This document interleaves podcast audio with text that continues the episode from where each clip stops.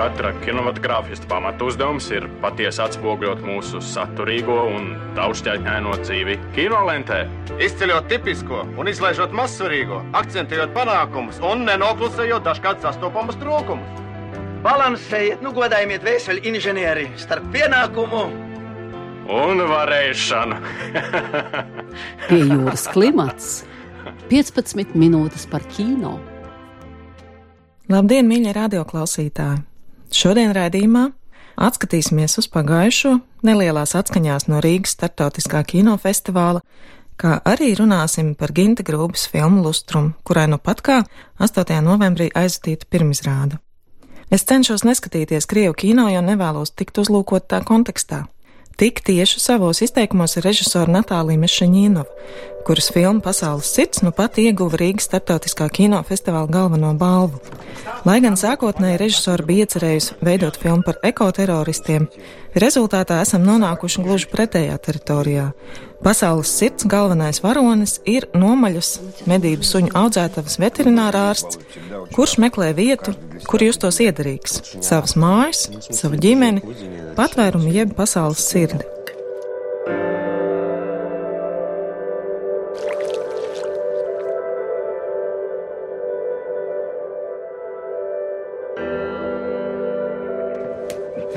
Intervijā Kristīnai Simpsonai režisora Mešaņīnova, kas vairāk pazīstama kā dokumentālā kino veidotāja, ieskicē savu īpašo paņēmienu filmas personāžu izveidē, kurš tāpat ir dziļi balstīts dokumentālā kino veidas tehnikās. У меня свой способ. Я, я иду в среду, а, я провожу там какое-то время, я прошу студентов Марины Разбежкиной помочь мне в поиске материалов и Es iepazīstu savu iespējamo filmas varoņu vidi, pavadu tajā zināmu laiku, kā arī mēdzu lūgt Marinas Razbeškinas dokumentālā kino studijas audzēkņiem palīdzību izpētes procesā. Pāris reizes mēs izmantojām paņēmienu, kad kāds dokumentālā kino režisors pieslēdzas scenārija izstrādes procesam, dodoties izbraukumos uz plānoto filmas varoņu vidi un safilmējot diezgan daudz materiālu, kurš dod mums zinām īstenības sajūtu. Tā mēs iegūstam lielu apjomu dažādu sīku detaļu, kurus paši nekad neiedomātos, nepazīstot šos apstākļus. Tāpat man ļoti interesanti šķiet visu scenāriju tapšanas laiku iesaistīties reālās dzīves procesos. Piemēram, rakstot scenāriju Borisa Kļebņikova filmai Aritmija, mēs gadu tusējām kopā ar ārstiem, un rezultātā filmas personāžu raksturi, tā skaitā arī filmas galvenā varoņa tēls, ir būvēti apvienojot dažādu šo mediķu personību iezīmes - kā viņi runā, kā reaģē, ar kādu pārliecību rīkojas. Kad visa šī informācija iegūta, uzsūkta tādā tīri jutekliskā, nevis žurnālistikas līmenī, tad jau šos tipāžus var arī ierakstīt scenārijā. Gluži svoj spēcīgi, nevienmēr.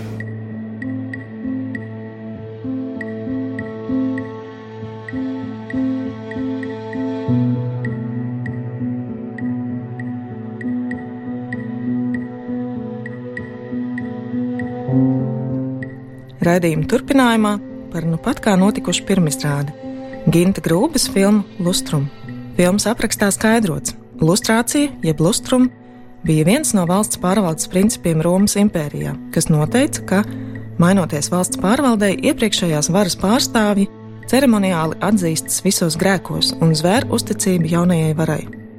Ginta Grūmas jaunākā filma pievēršas valsts drošības komitejas darbības metodēm 80. gados un 90. gadu sākumā, intervējot gan režīmu funkcionārus, piemēram, Edmundu Johansonu, valsts drošības komitejas priekšsēdētāju, gan savervētos Latvijas inteliģences pārstāvis, gan tos, kas atteicās sadarboties, gan arī no čekas represijām cietušos. Lustrum veidota drīzāk kā sistēma un tās tehnoloģiju atmaskojoša, nevis bijušos aģentus apsūdzoša filma. Kino kā terapijas daļa attiecībā uz tām pagātnes traumām, ko šie cilvēki ir piedzīvojuši attiecībās ar Valsts drošības komiteju. Tā filma raksturo šīs dienas piejūras klimata viesis, Lustrum režisors Gins Grūbe. Sarunas ievadā neliels fragments no filmas materiāliem, kurā dzirdēsim Māru Zālīti. Nu, ir jau tas slavenais teiciens, ko Česlavs Milošs ir teicis, droši vien, ka tu to zini, ka nevienam, kurš dzīvo brīvībā, nav tiesību nosodīt tos, kas ir dzīvojuši nebrīvībā. Sāksim jau ar to. Un, un vispirms ir jānosoda sistēma, okupācija, deportācijas, sankcijas, represijas. Un pēc tam cilvēki, kas nav kaut kādā veidā izturējuši to, nu, to morāli vai, vai citā veidā, tad tiesāt tos cilvēkus tikai pēc tam.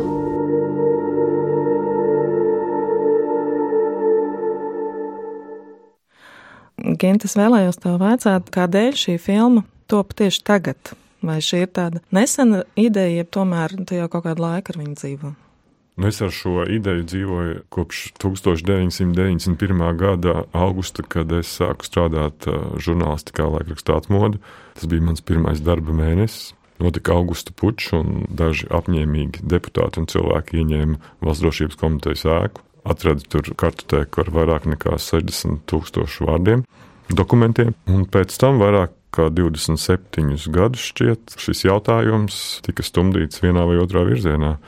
Un jo ilgāk šādus jautājumus risina un nevar viņiem atrast nekāda veida risinājumu, jo lielāka varbūtība, ka tie kļūst par tādu kā kultūras artefaktu, tā skaitā dokumentālā kino formātā. Es sapratu, ka tas ir tas stāsts, kas cilvēkus vēl aizvien man nevisai izprotamu iemeslu dēļ interesē. Es sapratu, ka nav kaut kas līdz galam izrunāts. Tāpēc arī radās ideja par šo filmas projektu. Sākotnējā doma bija, nebija pārliecība, ka tajos trīs gados saima un šī vēsturnieka komisija, kad strādās, ka nonāks pie lēmuma šos arhīvus atvērt. Nu, tā mana skepse, balstīta iepriekšējā žurnālistiskā pieredzē, bija pietiekami liela.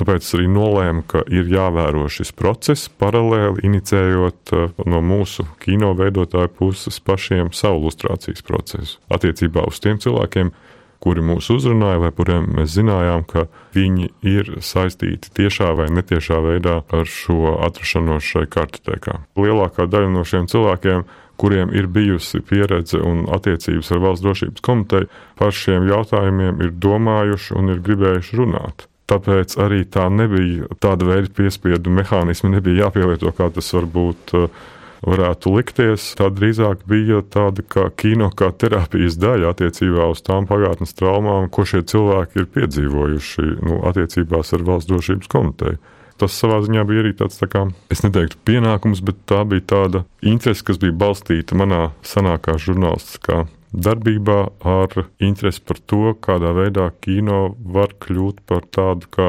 aktuālas sarunas ierosinātāju vai turpinātāju. Kā jūs spējāt panākt šo intervējumu uzticēšanos? Tie tomēr ir cilvēki, kas ieņēma augstus amatus valsts drošības komitejā, jeb arī cilvēki, kas bija tikuši savervēti un kas jau ir izpelnījušies tādu sabiedrības nosodījumu šobrīd.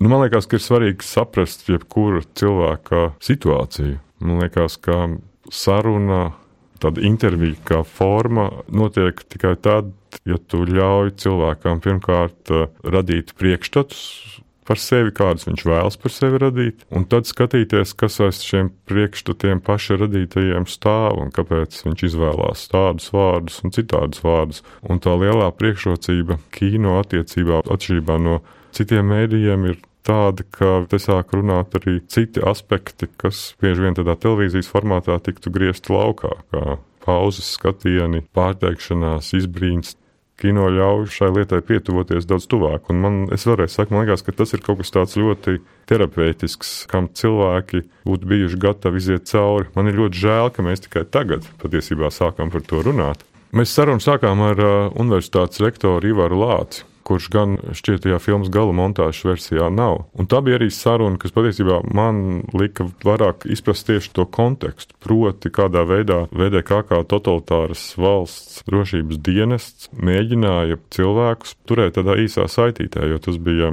Ivar Lāča stāsts par to, kā viņš strādā Cietvielu fizikas institūtā. Viņam ir jādodas braucienā uz Šveici pētnieciskā darbā un viņam lūdz VDK no turienes sūtīt eh, dažādu veidu avīšu kopijas. Un ir skaidrs, ka ne jau kā paši nevarētu nokopēt avīzes šveicis. Un tad ir skaidrs, ka, ka viss šī vairāk vai mazāk liela daļa no šīm aktivitātēm, kas no cilvēkiem tiek prasītas, ir formāls, lai tikai viņi atrastos šajā sistēmā iekšā. Un tas arī ir jautājums, ko man liekas, ir ļoti būtiski šobrīd saprast. Ja decembra sākumā šie saucamie čekas maisi tiks publicēti, tad bez šī konteksta redzējuma, kā šī sistēma funkcionēja, nu, tā būs ļoti dzeltena rakstura vēstījums, un tas var nodarīt vairāk kaitējumu nekā labumu. Man liekas, tieši tāda publiska saruna, kas jau arī ir pati ilustrācijas būtība, kaut kādā ziņā arī tā filma, manuprāt, viņai vajadzētu kalpot par šādu daļu no ilustrācijas. Tikai tam ir jēga, jo tas ļauj labāk saprast, kas bija tā sabiedrība, no kuras mēs beigām, bet kuras radītās sekas palīdzēja mums izveidot savu valsts 91. gadā. Un kāda ir tava šīs filmas režisora redzējumā ideālā sabiedrības reakcija? Ideālā reakcija būtu, ja mēs patiešām iedziļinātos šo cilvēku stāstos, kādēļ viņus vervēja, kādēļ viņi piekrita vai nepiekrita sadarboties, mēģināt nu, saprast un nevis a priori iepriekš viņus nosodīt un saukt viņus par čekistiem vai teikt, ka viņi ir jau nu varētu kaut ko vēl vairāk pastāstīt. Mēs arī runājām ar bijušajiem VDK virsniekiem, vairākiem. Daži no viņiem piekrita anonīmai sarunai, daži nepiekrita nekādai. Tas tikai nu, pierāda to, ka šo cilvēku, kuri bija gatavi runāt, kurus uh, viņi padarīja par saviem aģentiem, viņi ir gatavi nu, tādam būtiskam pieaugšanas procesam, man liekas, attiecībā uz to, ko mēs saucam par nācijas vai sabiedrības pieaugšanas procesu. Un tāpēc man, es šos cilvēkus ļoti augstu vērtēju, ka viņi ir gatavi šādai sarunai. Un kādi ir šīs filmas plāni pēc pirmizrādes? Tā ir uh, izrādīšana arī citur Latvijā, ne tikai Rīgā. Filma šobrīd uh, primāri uh, tiks rādīta visā Latvijā, tāpat kā ļoti daudz simtgadus filmas. Un, uh, Tas, ko mēs šobrīd inicējam, ir, lai gan reģionos, gan arī Rīgā turpinātos saruna. Jo tās tēmas, kuras mēs uh, ieskicējam vai tā teikt uzvarām, ir ļoti daudzas un dažādas. Tas ir stāsts par kultūras sakaru komiteju, par kultūras un inteliģences sadarbību ar valsts drošības komiteju, kā viņi tika izmantoti. Tas ir stāsts par uh, zinātnes attiecībām ar uh, baznīcas attiecībām ar valsts drošības komiteju. Tas ir stāsts par atmodu, pārbaudot to sazvērstības teoriju vai mūsu atmodas procesus sagatavoja VDK vai nesagatavoja VDK, un uh, vai tā bija viņa iniciatīva, vai tas bija viņa projekts. Nu, tas ir tādas plašākas diskusijas, ar kurām mēs gribam arī iet reģionos un runāt. Cēsīs būs saruna ar filmas varoņiem uh, Jāni Rukšānu un uh, Jāni Rokpelni. Tas būs ļoti dažādas sarunas, lai saprastu to kontekstu. Jo es saprotu arī, ka runājot ar jaunākiem cilvēkiem, Viņiem šis laiks un šī problemātika ir tāda ļoti izteikta abstrakcija. Viņiem vispār nav tiešās pieredzes par to, ko nozīmē LPSR un ko nozīmē totalitāras valsts drošības sistēma. Tas arī tāds skaidrojošs uzdevums, kas ir nepieciešams, lai saprastu, kas notika. Tie paši čekisti, viņi taču arī ir dieva radības. Tāpat kā mēs visi, cilvēkā vienkārši tas ir. Nu, Tā cīņa jau ir tā lielākā pašam ar sevi. Ne jau par tiem čekistiem. Es jau par viņu nevaru atbildēt. Viņam tik un tā pašam būs jāatbild. Vai viņš to grib zināt vai negrib. Lielākā cīņa ir ar sevi.